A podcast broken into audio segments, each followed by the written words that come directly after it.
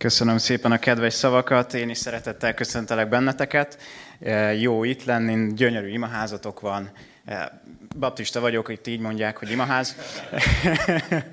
E, köszönjük a kedves fogadtatást, és nagyon hálás vagyok az Istennek is, mert én már nem úgy megyek el, ahogy ide jöttem. Nagyon jó volt nekem a dicsőítésbe részt venni, benne lenni. Nem olyan régen tanította nekem azt az Isten, hogy ha éhes szívvel jövök, vágyakozva, hogy ő mondjon nekem valamit, akkor lehet bármilyen rossz az az alkalom, nem tudom, szabad-e ilyet mondani, de nekem van néha olyan érzésem, hogy, hogy nem adott olyan sokat az igényedetés, vagy lehetett volna jobb, de, de bármilyen is legyen az, ha az én szívem éhes és nyitott, akkor kapok az Istentől. Úgyhogy jó úgy jönni, hogy nyitva van a szívünk, és vágyunk az Úrból többet. De még jobb úgy jönni, hogy önzetlen szívvel hozzuk azt, amink van, és odaadjuk az Istennek a mi áldozatunkat, a mi imádságunkat, a mi hálánkat, a mi dicséretünket, vagy egyszerűen a mi bűnbánatunkat, a mi szívünket. És azt éreztem, miközben, imád, eh, miközben dicsértük az Urat, hogy ilyen szívvel vagytok itt nagyon sokan. És annyira jó volt az utolsó ének szövege, pont ezt mondta, hogy ha pásztor lennél, eh, vagy bölcs, vajon ott lennél-e? Elmennél egy kis csecsemőhöz, aki nem tud neked éppen abban a pillanatban semmit adni? A pásztorok, bölcsek mit kaptak azon az este? Semmit.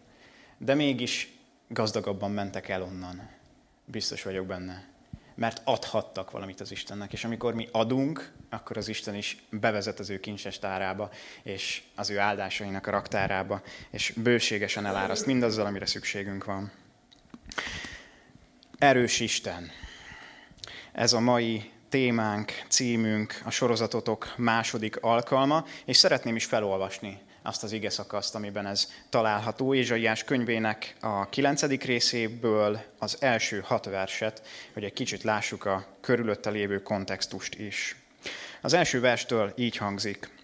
A nép, amely sötétségben jár, nagy világosságot lát. A halál árnyékának földjén lakókra világosság ragyog.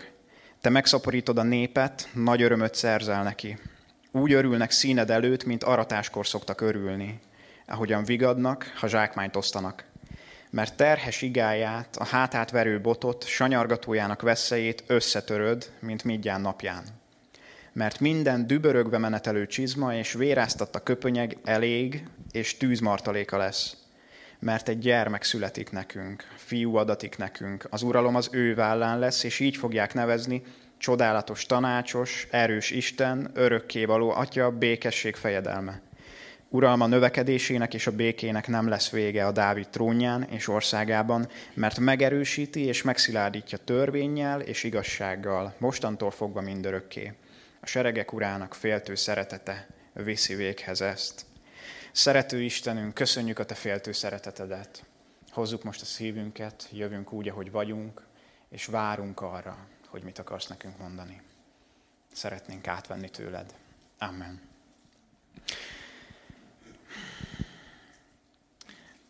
Ez az ige nekem nagyon-nagyon tetszik, és legalább 12 olyan dolgot találtam benne, ami az Istentől való ajándék a messiásban, a megígért szabadítóban, Jézus Krisztusban. Ebből négy az, amivel az adventi időszakban ti különösen foglalkoztok, de ez az Isten ajándékozó személyiségét mutatja be.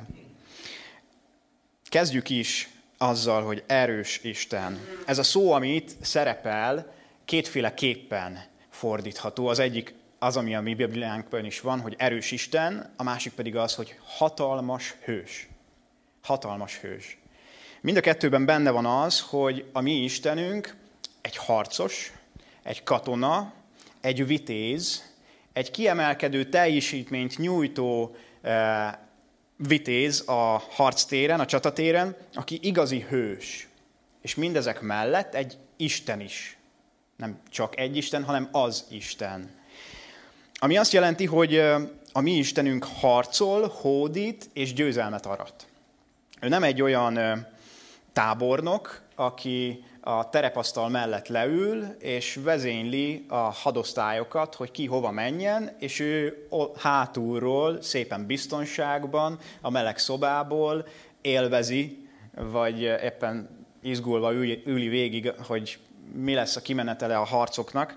Nem, nekünk egy olyan Istenünk van, aki nyakig beleveti magát azokba a küzdelmekbe, amikben mi is éppen benne vagyunk. Nem marad ki belőle, mellettünk áll. Ő kimegy a terepre, és személyesen vezeti hadba az ő népét, minket, az ő gyülekezetét. Személyesen téged, és mint gyülekezet is benneteket. Ő a seregeknek az ura. Erről eszembe jutott, ahogy ezen gondolkoztam, egy régi történet. Általános iskolás koromban én nem voltam egy túl jó fiú, és hát előfordult, hogy többi srácokkal összeverekedtünk. Nem emlékszem már, hogy min. Azóta megtértem, és már nem olyan vagyok, de, de, de előfordult. És volt, volt egy osztálytársam, emlékszem, egy nagyon alacsony, kis termetű, egyébként jóba voltunk, jó fejsrác, de, de néha összekaptunk. Misikének hívták, és, és emlékszem, hogy többször volt, hogy álltam, vagy nem tudom, nem emlékszem a részletekre tényleg, meg nem túl vészesen. És volt egy alkalom, amikor éppen kin fociztam, vagy kin az udvaron játszottunk, nem emlékszem pontosan, és látom, hogy Misike három nyolcadikos fiúval, én akkor voltam elsős vagy másodikos, közeledik felém, és ott mutogat az irányomba. És hát odaértek hozzám, és kiderült, hogy a bátyja volt az egyik és a bátyjának a barátai. És hát akkor már nem csak a nálam kisebb Misikével találkoztam szembe, hanem, hanem ott volt három, kétszer akkora srác, mint én, és akkor tudtam, hogy hol a helyem. És valami ilyesmi az, ahogyan az Isten mellettünk áll. Vannak harcaink, vannak ellenségeink, vannak küzdelmeink, szellemi harcaink, de hogyha ő ott van mellettünk, akkor higgyétek el, az ellenség tudja, hogy hol a helye. És ez olyan bátorító lehet a mi számunkra. Izsaiás 42 azt mondja, hogy az Úr kivonul, akár egy hős, átjárja a harci kedv, akár egy katonát, harsányan zengi a csatakiáltást, és diadalmaskodik ellenségein.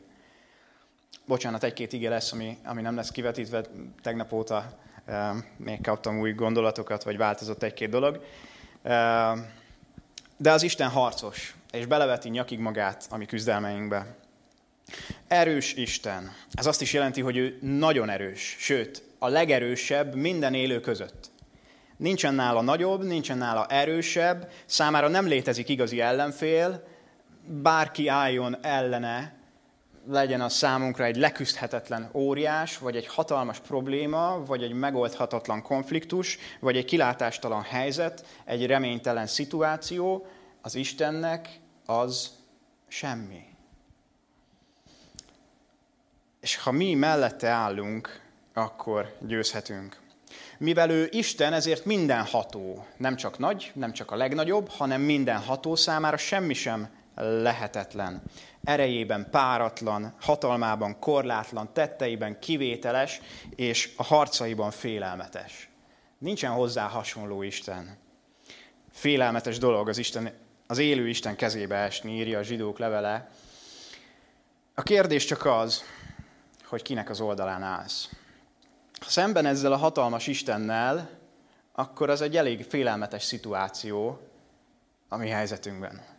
Ha viszont mellette állunk, akkor büszkén, bátran és méltósággal mehetünk bele azokba a küzdelmekbe, amelyekbe ő hív minket. Szóval hadd tegyem fel neked a kérdést. Mellette állsz ennek a hatalmas Istennek, vagy ellene állsz az ő hívő szavá, hívó szavának és hatalmának? Élvezed az ő biztonságot nyújtó védelmét, vagy rettegsz tőle? Vele együtt harcolsz, vagy vele szemben küzdesz? Nem tudom, figyelmesek voltatok-e arra az ötödik versre, amit az elején felolvastunk, hogy egy gyermek születik nekünk, fiú adatik nekünk, az uralom az ő vállán lesz, és így fogják nevezni. Csodálatos, tanácsos, erős Isten. Azt akarom aláhúzni, hogy az uralom. nekünk van egy csodálatos tanácsadónk, van egy erős Istenünk, egy mindenható Istenünk, egy örökkévaló Istenünk, egy békességet hozó fejedelmünk. És ez számunkra haszon, profit, csúnyán fogalmazva. Áldást kapunk abból, hogy ilyen Istenünk van, és ő törődik velünk, gondoskodik rólunk, mellénk áll, és hozza azt, amit hozni tud, mindent. De mikor kapjuk ezt meg tőle? Mikor vehetjük át az ő áldásait? Az uralom az ő vállán lesz, és csak aztán jön, hogy ő erős Isten. Ő előbb úr, és csak azután erős Isten a te javadra. Akkor élvezheted az ő erejét, akkor élvezheted az ő biztonságát, hogyha elfogadod őt személyesen a te uradnak és a királyodnak. Ameddig az Isten nem uralkodik az életedben, addig nem vagy benne az ő Isten országában, az Isten királyságában, azon a fennhatóságon, azon a területen, ahol ő úr. Márpedig, ha nem engedjük, hogy ő úr legyen az életünkben, akkor az ő áldásait, az ő biztonságot nyújtó védelmét, az ő szabadítását sem tudjuk olyan mértékben megtapasztalni, ahogy ő adni akarja. Ha nem engedjük, hogy ő úr legyen az életünk minden területén, akkor gátját álljuk, akadályozzuk az Isten áldásait az irányunkba. Nem tudunk annyit átvenni belőle. Nem tudunk annyit megtapasztalni. De ha engedsz neki, akkor ő megszabadít téged a te ellenségeidnek a fogságából, felszabadít, örömmel ajándékoz meg, biztos léptekkel, mert egy erős Isten. Másképp fogalmazva azt is mondhatnám, hogy annyira vagy szabad, annyira tudsz szabad lenni a te életedben, amennyire Krisztus Úr a te életedben. Minél több területet, minél több területen teszed úrrá Jézus Krisztus a te életedben, annál inkább megtapasztalod az ő valódi szabadságát, amit adni tud neked. Amikor átadjuk az Istennek az életünket, az olyan, mintha Budapest fölött a vezetést, az irányítást átvenné egy másik személy. Budapest fölött, a legtöbb terület fölött már valaki más az úr, de még vannak régiók, még vannak kerületek, ahol lehet, hogy nem teljes a város vezetésének az irányítása. És ilyen a mi életünk is. Amikor az Istennek odaadunk, odaadjuk magunkat, akkor jól lehet az a szándékunk, és ezt mondjuk, hogy Istenem, vedd kézbe az életem, mindent neked adok, irányítsd, szólj, mond, engedelmes akarok neked lenni. A szívünk tiszta, őszintén tesszük ezt. De mégis vannak olyan területek az életünkben, amelyek ö, megbújnak a sötétségbe, és ott nem korlátlan az Isten hatalma az életünkben. Mik lehetnek ezek? A pénzügyeink, a kapcsolataink, a munkahelyünk, az, ahogyan az életünket éljük, a szabadidőnk, hogy mire töltjük azt, hogy mivel foglalkozunk.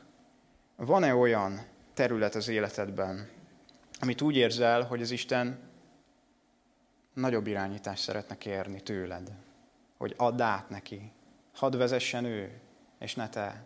Hadd mondja meg ő, hogy mire van ott szükség, és mit akar ő tenni, és nem te.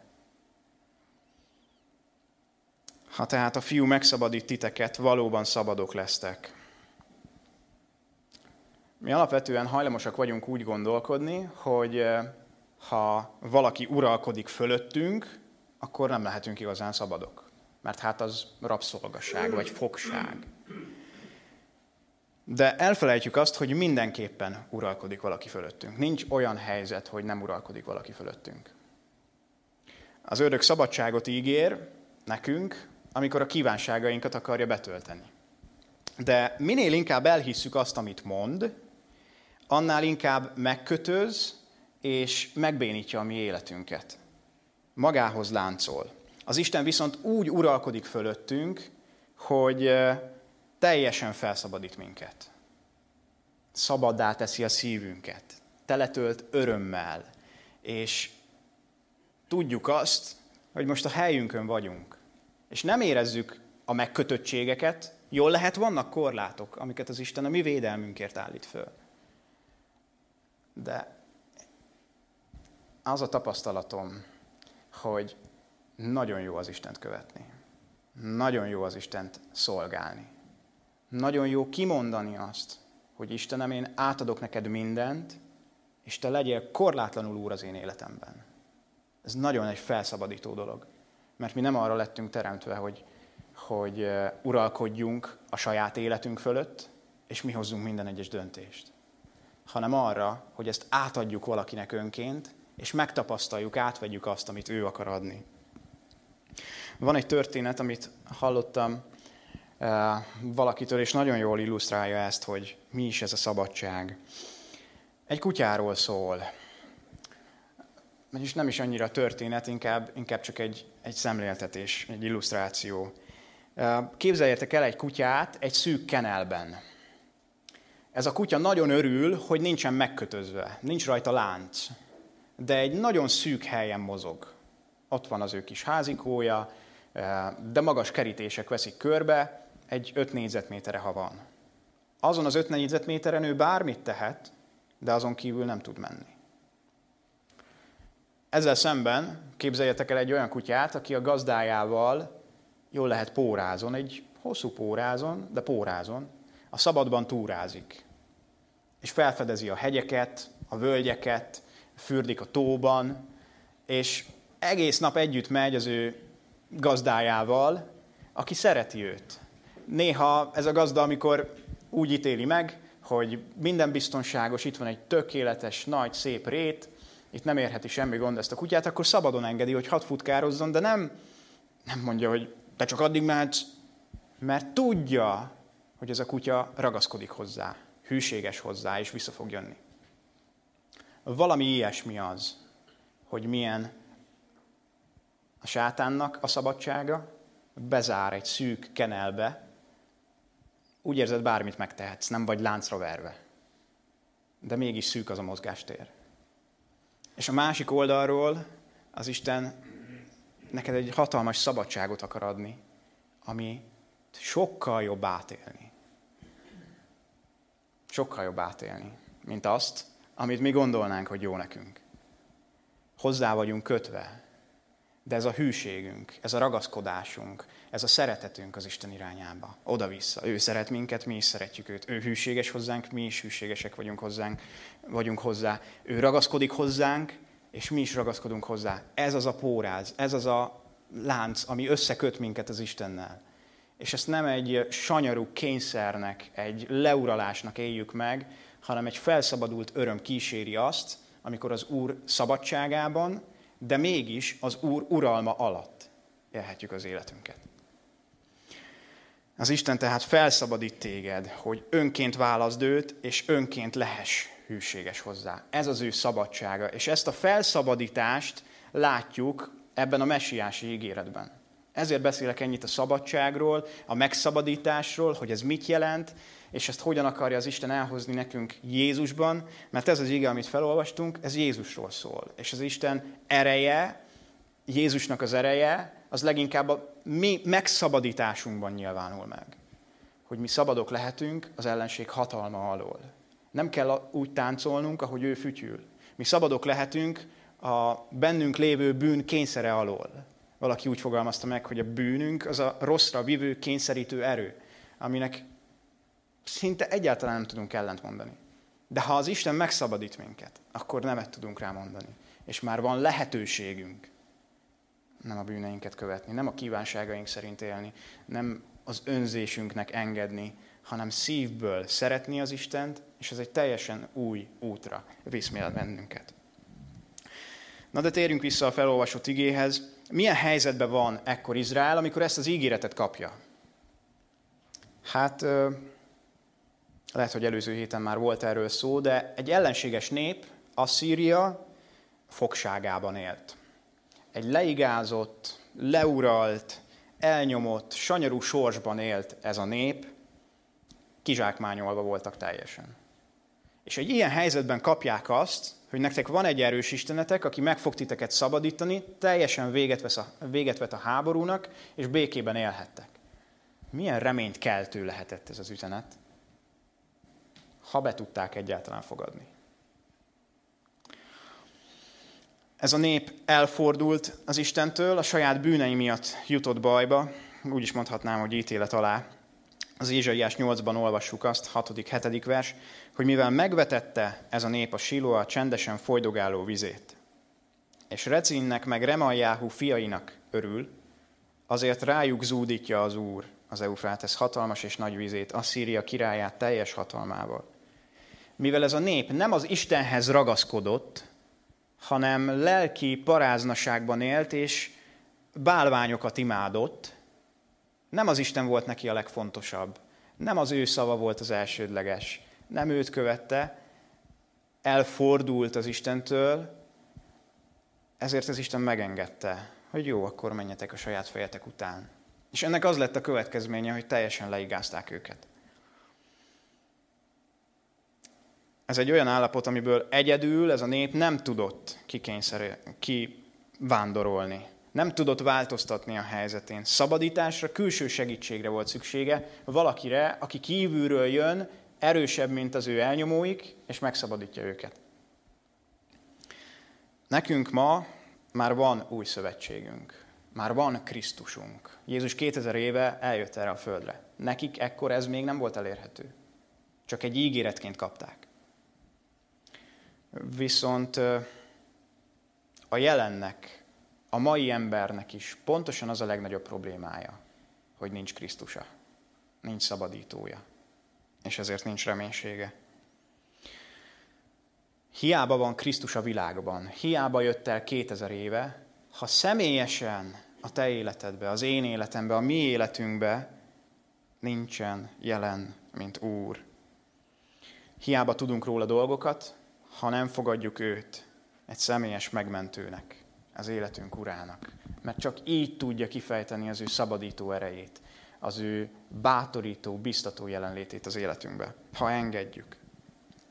És nem tudom, felfigyeltetek-e a harmadik versre, mert terhes igáját a hátátverő botot sanyargatójának veszélyét összetöröd, mint midján napján. Mint midján napján. Mi ez a midján? Miről lehet itt szó? Hát eszünkbe juthat Gedeon. A bírák hatodik és hetedik fejezete arról beszél itt az ige, hogy ez a szituáció, amiben ekkor van Izrael népe, Asszíria elnyomásában, nagyon-nagyon hasonló ahhoz, mint amikor régen volt, a bírák időszakában, Gedeon idejében, Midján elnyomásában. És az a szabadítás, amit itt ígér az ige, az Ézsaiás 9-ben, és majd Jézusban eljön, az a szabadítás nagyon-nagyon hasonló ahhoz, mint ahogyan Gedeon megszabadította annó az Izrael népét. A messiás szabadítása Gedeon győzelméhez lesz hasonló.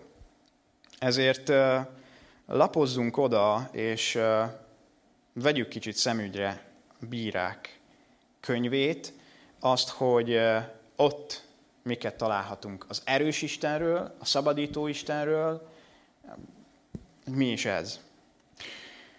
Nem olvasom fel az elsőtől a hatodik versig végig, de egy nagyon hasonló helyzet, mint az Ézsaiás 9. Izrael fiai azt cselekedték, amit rossznak lát az Úr. Ezért az Úr mindjárt kezébe adta őket. Mindjárt kemény kézzel bánt Izraellel. Izrael fiai rejtek helyeket készítettek. Valahányszor Izrael vetett, mindjárt Amálék és más népek, keleti törzsek rájuk törtek. Tönkretették a föld termését. Nem hagytak élelmet Izraelben. Annyian jöttek, mint a sáskák. Behatoltak az országba, hogy tönkretegyék. Izrael így nagyon elszegényedett mindjárt miatt. Ekkor Izrael fiai segítségért kiáltottak az Úrhoz. Teljesen ugyanaz a helyzet, ugyanaz a forgatókönyv, mint Ézsaiás idejében. A nép elfordult Istentől, és mivel elfordult Istentől, ezért leuralták őket. Más isteneik lettek, akik nem tudták már őket megvédeni, nem tudták őket megszabadítani. Bezárták egy szűk kis kutyakenelbe, és nem élvezhették már az ő Istenük sétáltatását a hegyekben. Kizsákmányolt, elnyomott, megszégyenített, elszegényedett, szükségben lévő nép. És nem tudom, hogy te érezted-e már úgy, valamikor, vagy talán most vagy olyan helyzetben, hogy elfáradtál és nem bírod tovább. Érezted már azt, hogy ez egy hiába való küzdelem, mert újra és újra neki újabb és újabb eszközöket próbálsz ki, De bármennyire is próbálkozol, az ellenség mindig eltipor. Mindig kudarcba fullad a te próbálkozásod. És nincs siker. Elvesztetted a kincseidet, amik neked fontosak, ami neked érték. Alig maradt már reménység benned, és nagyon elszegényedtél úgy belül. Nincs már sok benned. Ha érezted már így, ha talán most vagy hasonló helyzetben, akkor ez egy fordulópont lehet, ahogyan annó fordulópont volt. Ézsaiás korában, és fordulópont volt Gedeon korában is. Mert az Isten el akar minket juttatni addig a pontig, hogy belássuk, egyedül nem megy tovább. És gyakran felmerül az a kérdés, hívőktől, nem hívőktől, miért engedi meg az Isten a szenvedéseket? Miért engedi, hogy rossz dolgok történjenek? És azt gondolom, teljes válaszunk erre nincs.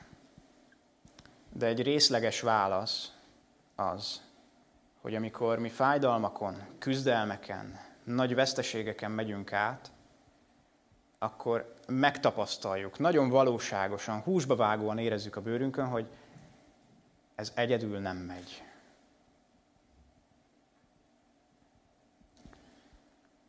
Néhány héttel ezelőtt elveszítettük a kisbabánkat. 18 hetes volt Betty, és már meg kellett szülnie. És nagyon valóságosan éreztük azt, hogy ez egyedül nem megy. De mégis hatalmas nagy hála volt bennünk. Azért, mert minden lépésben éreztük azt, hogy az Isten kegyelme tart. Napról napra nagy bátorításokat kaptunk, újra és újra. Nem is gondoltuk azt, hogy mennyien írnak majd nekünk, imádkoznak értünk, felajánlják a segítségüket. És teljes békességünk van, hogy a kisfiunk az Istennél van. Nagyon sok vigasztalást, bátorítást, erősítést kaptunk. De azt tudom mondani visszatekintve is, hogy ez Isten nélkül nem ment volna. Miért történnek veszteségek? Miért élünk meg nagy küzdelmeket, amikből nem tudunk kikászálódni? Néha a saját hibáink visznek oda.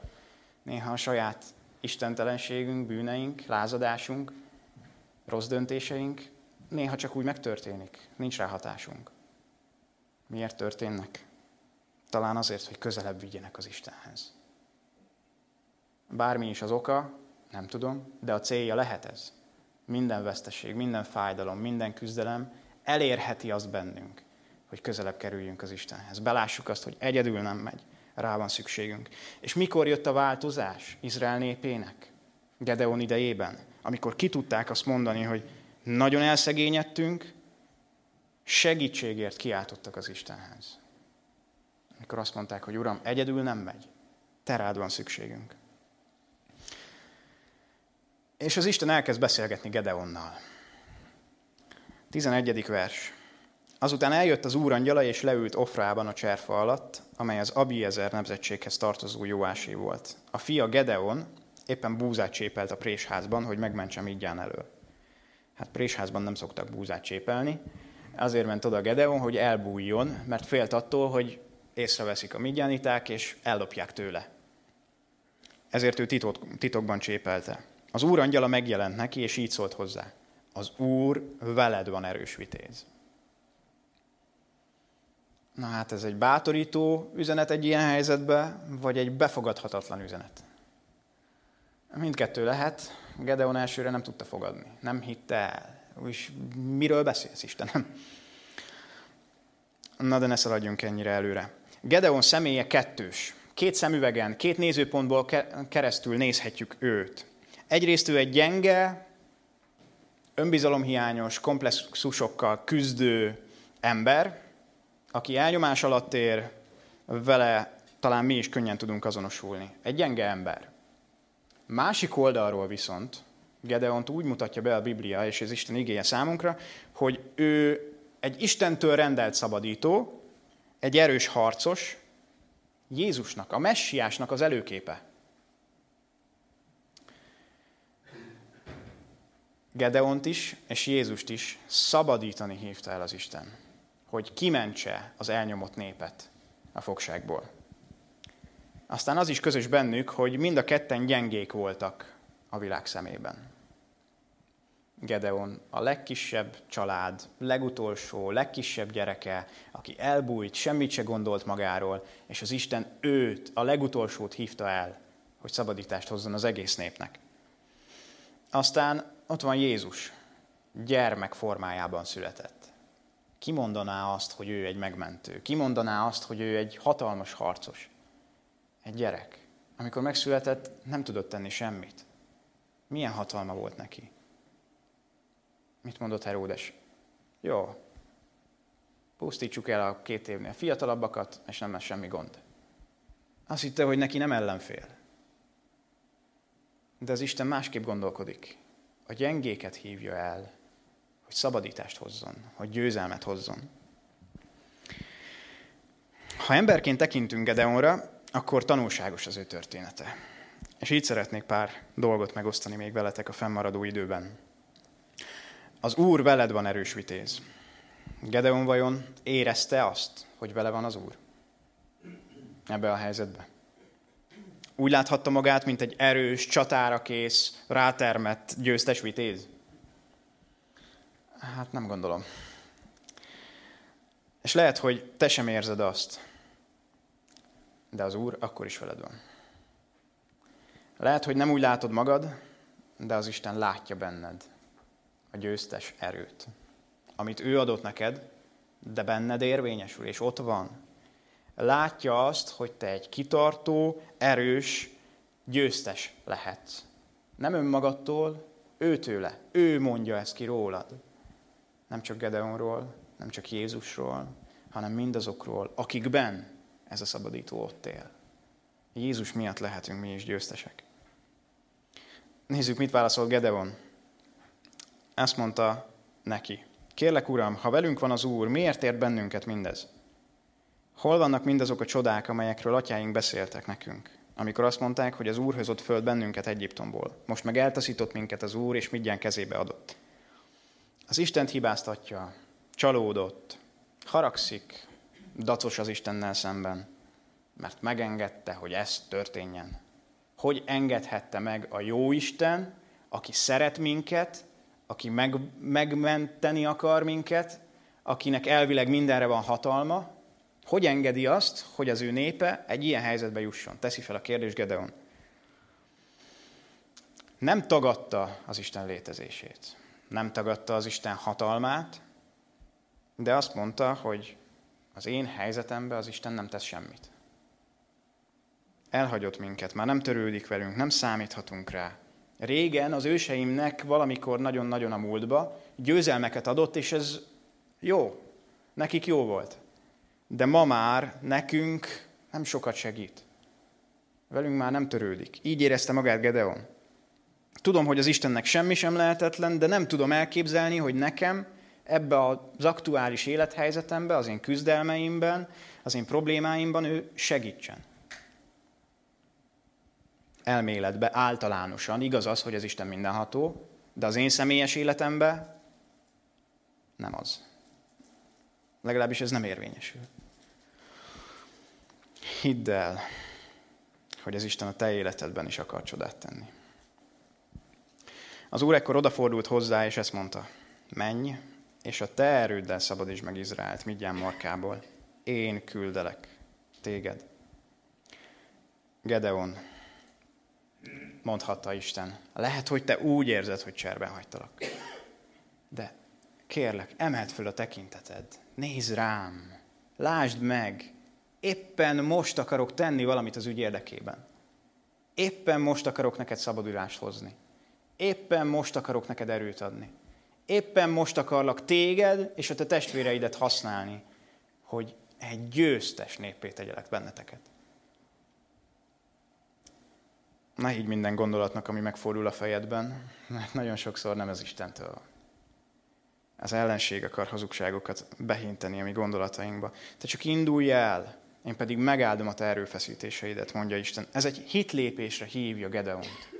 Lépj egyet hittel, és a többit én adom. Nem kell azt érezned, hogy te alkalmas vagy. Nagyon sokakat ez tart vissza a szolgálattól. Nagyon örültem, amikor alkalom elején mesélte Gergő, hogy mennyien szolgálnak közületek a gyülekezetben.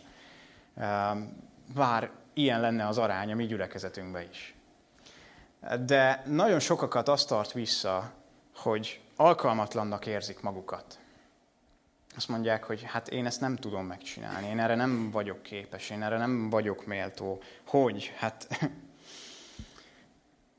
De Gedeon története azt üzeni nekünk, hogy elég, ha tudjuk azt, hogy az Isten hív minket. Mert ha ő mondta, hogy menjünk, akkor ő készé és képessé is fog minket tenni. Nem kell megvárnunk azt, hogy alkalmasnak érezzük magunkat, elég, ha tudjuk, hogy az Isten ezt várja tőlünk, és alkalmasak leszünk. De ehhez el kell indulni. Kérlek, Uram, hogyan szabadítsam meg Izraelt, hiszen az én nemzetségem a leggyengébb manasséban, atyám házában pedig én vagyok a legfiatalabb. Gedeon tovább fokozza. Hát hogy? Hogy lehetséges ez? Az úr viszont válaszolt neki. Én majd veled leszek, és úgy megvered Midjánt, mintha csak egyetlen ember volna. Gedeon még csak most jutott odáig, hogy erős vitéz. Eddig azzal volt baja, hogy velem van az Isten. Nem hitte el, hogy vele van az Isten. Aztán az Isten meggyőzte őt, hogy bele van. Most pedig arról győzi meg, hogy ő erős vitéz. Egyszerűen nem tudta elhinni Istennek, hogy amit az Úr mondott róla, az igaz. Mert más mondtak a tapasztalatai. Más mondott a múlt. Más mondott az érzés. Gedeon csak azt látta, hogy újra és újra belefog valamiben, és kudarcot vall. Azt látta, hogy próbálkozik, nem csak ő, az egész nép, és mégis szegény mindenki. Azt látta, hogy évtizedek óta ez a helyzet, és nincs változás. Hogy lehetséges az, hogy mégis változzon? Teszi fel a kérdést.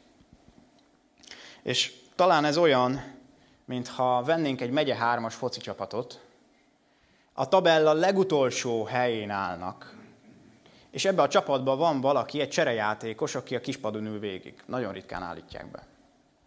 És egy nap az edző odafordul hozzá, és azt mondja, hogy holnaptól te leszel a csapatkapitány, és ez lesz a legjobb szezonunk, bejutunk az NB1-be, te pedig a szezon játékosa leszel, a gólkirály. Na mennyire lehetetlen ez a szituáció? Nem is tudom, hogy történt-e ilyen, valószínű nem. De Gedeon sztoria valami ilyesmi lenne, ha ma történne. Egy ennyire lehetetlen szituáció, és az Isten mégis azt mondja, hogy annak ellenére, hogy ez teljesen bolondságnak hangzik, annak ellenére, hogy ti nem láttatok még változást, annak ellenére, hogy te a legutolsó senkinek érzed magad, annak ellenére téged tudlak használni a nép érdekében. És ilyen az, amikor minket az Isten szolgálatra hív. Minket, a gyengéket, alkalmassá tesz, hogy másokat szolgáljunk, hogy másokat építsünk.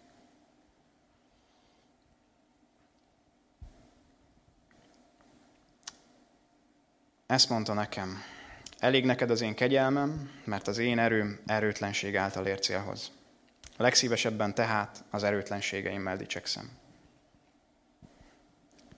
Amikor gyengék vagyunk, az egy nagyon jó állapot. Nem így érezzük soha. De az Isten szemszögéből egy rendkívül értékes pillanat. Mert rájöhetünk arra, hogy egyedül nem megy, segítségül hívjuk az Istent, megtapasztaljuk azt, hogy ő alkalmassá tesz, és miután alkalmassá tett, és mi engedelmességben járunk, átéljük azt, hogy győztesek vagyunk. Mindabban, amire elhívott. Gyülekezeti szolgálat. A családot felé való bizonyságtétel, hogy ők megtérhetnek. Neked mi az a lehetetlen küldetés, amire ő hív téged? Vagy egy egyszerű dolog, hogy fordulj oda a szomszédod felé, és törődj vele a következő héten. Nem tudom, hogy mi az, amit tőled az Isten kér, vagy van-e egyáltalán olyan, amit most nagyon dobogtatja a te szívedet, ezt kellene tennem, már sokszor mondta az Úr, de nem teszem, mert nem tudom, nem hiszem el, hogy tennem kéne, hogy ezt tőlem kéri. És Gedeon is feltette a kérdést, de biztos, Uram? Biztos azt akarod? Biztos jól hallottam? Biztos te mondtad? Ha elnyertem jó indulatodat, adj nekem egy jelet, hogy valóban te vagy az, aki velem beszél kérhetsz az Istentől megerősítést. Ha akarod őt szolgálni és követni, ha akarod megtapasztalni az ő erejét, hogy rajtad keresztül ez megnyilvánul, akkor mondhatod azt az Istennek, Uram, a fejemmel, az eszemmel tudom, hogy ez a logikus lépés, és én követni akarlak téged. Hozok egy döntést, hogy megteszem, amit te mondasz. De biztos, hogy ezt te mondod nekem? Kérlek, adj még egy megerősítést. És nekünk egy nagyon kegyelmes Istenünk van. Meg fogja adni ezt számodra. Akkor ezt mondta Gedeonnak az Isten, túl sok ez a nép, amely veled van, nem adhatom a kezükbe mindjánt. Különben még így fog dicsekedni Izrael velem szemben. A saját kezem szabadított meg engem. Miért visz az Isten kilátástalan helyzetekbe? Hát azért, hogy alázatra indítson minket. Hogyha erősnek, győztesnek, eh, méltónak éreznénk magunkat a küzdelemre, akkor ha aztán az Isten tényleg sikert és győzelmet ad, mit mondanánk a végén? Vagy mit gondolnánk? Sosem mondanánk ki. Keresztényként nem mondunk olyat, hogy hát én elértem. Nem, az Úr megáldotta. De belül azt gondolod, hogy te elérted. Nekem nagyon sokszor volt már ilyen. És ekkor, amikor az Isten ezt mondja a népnek, akkor 32 ezer katona volt Gedeon oldalán, velük szemben körülbelül 200 ezer. És volt néhány lépcső, ezeket most nem mm, sorolom föl, de a lényeg, hogy 32 ezerből 300 maradt. 300 vs. 200 ezer. Azért, hogy nehogy felfuvalkodjanak. Legyenek biztosak abban, hogy egyedül teljes veszteség. Reménytelen küldetés. De legyenek biztosak abban is, hogy az Istennel ez olyan, mintha egy ember ellen küzdenénk háromszázan. Ezt az ígéretet adta az Isten Gedeonnak. Úgy megvered őket, mintha egyetlen ember lenne. És ez a hitünknek a próbája, a hitünknek a krízise, hogy vajon elhisszük-e azt, amit az Isten mond nekünk. Ő egy erős Isten. Ő mellénk akar állni. Meg akar és meg tud minket szabadítani. Miután megszabadított, felruház erővel, hogy mi is megőrizzük azt a szabadságot, amit tőle kaptunk. Küzdjünk az ellen, ami ellenünk támad és részt vegyünk az Isten hódító munkájában. Mi is az ő győztes seregének a tagjai legyünk, akik másokat is hitre vezetnek, megszabadítanak, gyógyulást, lelki egészséget, növekedést, előremenetelt munkálnak mások életében, miközben ők maguk is átveszik ezt az Úrtól. Azon az éjszakán ezt mondta neki az Úr, kelj föl, támad meg a tábort, mert a kezedbe adtam azt. Több helyen is előfordul ebbe a szakaszba, hogy az Isten azt mondja, kezedbe adtam, kezetekbe adtam. Múlt idő. Még nem volt az övéké, még nem tapasztalták meg azt, hogy ők birtokba vették azt a földet, amit az Isten nekik ígért, amit 50 évvel ezelőtt ők birtokoltak, hanem azt látták, hogy elnyomott nép, hogy el kell bújni, amikor búzát csépelnek, és nincs mit tenniük, és szegények. Semmi reménykeltő nem látszott, ha kinyitották a szemüket. De az Isten azt mondta, hogy ti már győztesek vagytok. Milyen bátorító ez? És a kérdés az az, hogy el tudjuk-e hinni az Istennek, hogy ő mindenható, hogy ő bármit megtehet, és nem csak úgy általánosan a nagyvilágban, a múltban, a Biblia alapjain, a nagy hithősök életében, hanem a mi életünkben személyesen is. Ami nekem lehetetlen, bármilyen Bármennyire is azt gondoljuk, hogy az Istent ez nem érdekli. Nem akar benne szabadulást, győzelmet hozni, de akar. Befejezésként. Az Isten velünk harcol, és értünk harcol. Vannak olyan idők, amikor mi tehetetlenek vagyunk, amikor nincs erőnk semmire, amikor teljesen harcképtelenek vagyunk. Ilyenkor az Isten helyettünk harcol, hogy mi megszabaduljunk. És vannak olyan idők, miután már megszabadított és felruházott erővel, hogy ő velünk együtt harcol. Azt mondja, hogy van egy kevés, amit te is megtehetsz. Azt tedd meg. De a maradék 90%-ot megteszem én neked. Velünk együtt, az ő oldalán harcolhatunk. Ahogyan a kis Misike szembe jött velem, három kétszer, tőlem kétszer akkor a nyolcadikossal, na így jön az Isten a mi oldalunkon, a mi ellenségeinkkel szembe.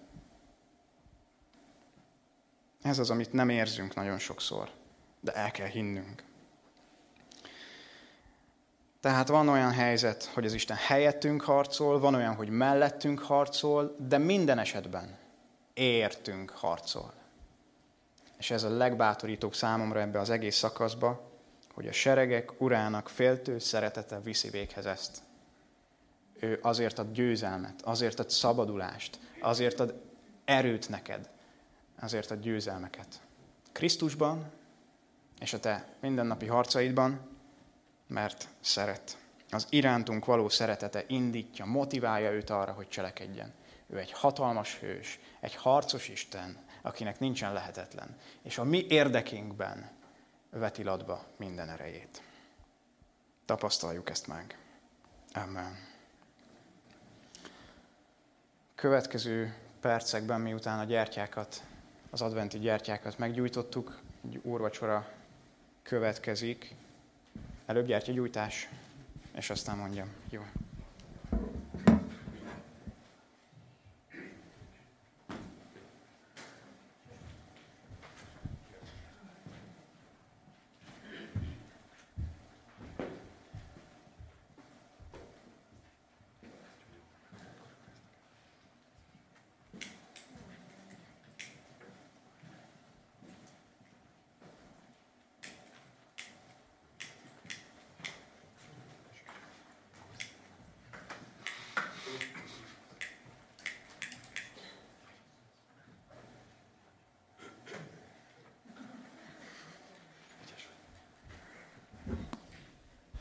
Nem gyakran csinálok ilyet, de sikerült. Egy pár mondatot szeretnék még mondani. Lassan úrvacsora közeledik, talán a dicsőítés közben ez körbe is fog menni, és ez egy örömünnep. Ez egy királyi asztalnál lévő étkezés, amikor ami megváltunkra emlékezünk. Arra, hogy ő megszabadított minket helyettünk tette, mi semmit nem tehettünk. Erre emlékezünk, és ezért hálát adunk. Advent időszaka van, és az úracsorának van egy várakozó üzenete. Várjuk azt, hogy egyszer majd a mennyben az Istennel, talán holnap, talán sok száz év múlva, de együtt fogunk enni. És ott lesz több millió hívő testvérünk, aki szintén az Úré. És minden alkalommal, amikor magunkhoz vesszük a kenyeret és a bort, az a várakozás van bennünk, hogy Uram, mikor? Talán ma este? Várjuk, hogy ez a mennyben megtörténjen. És hálával emlékezünk a múltra, hogy mi már ennek a szövetségnek, ennek a mennyei családnak a részesei lehetünk. Így vegyünk magunkhoz.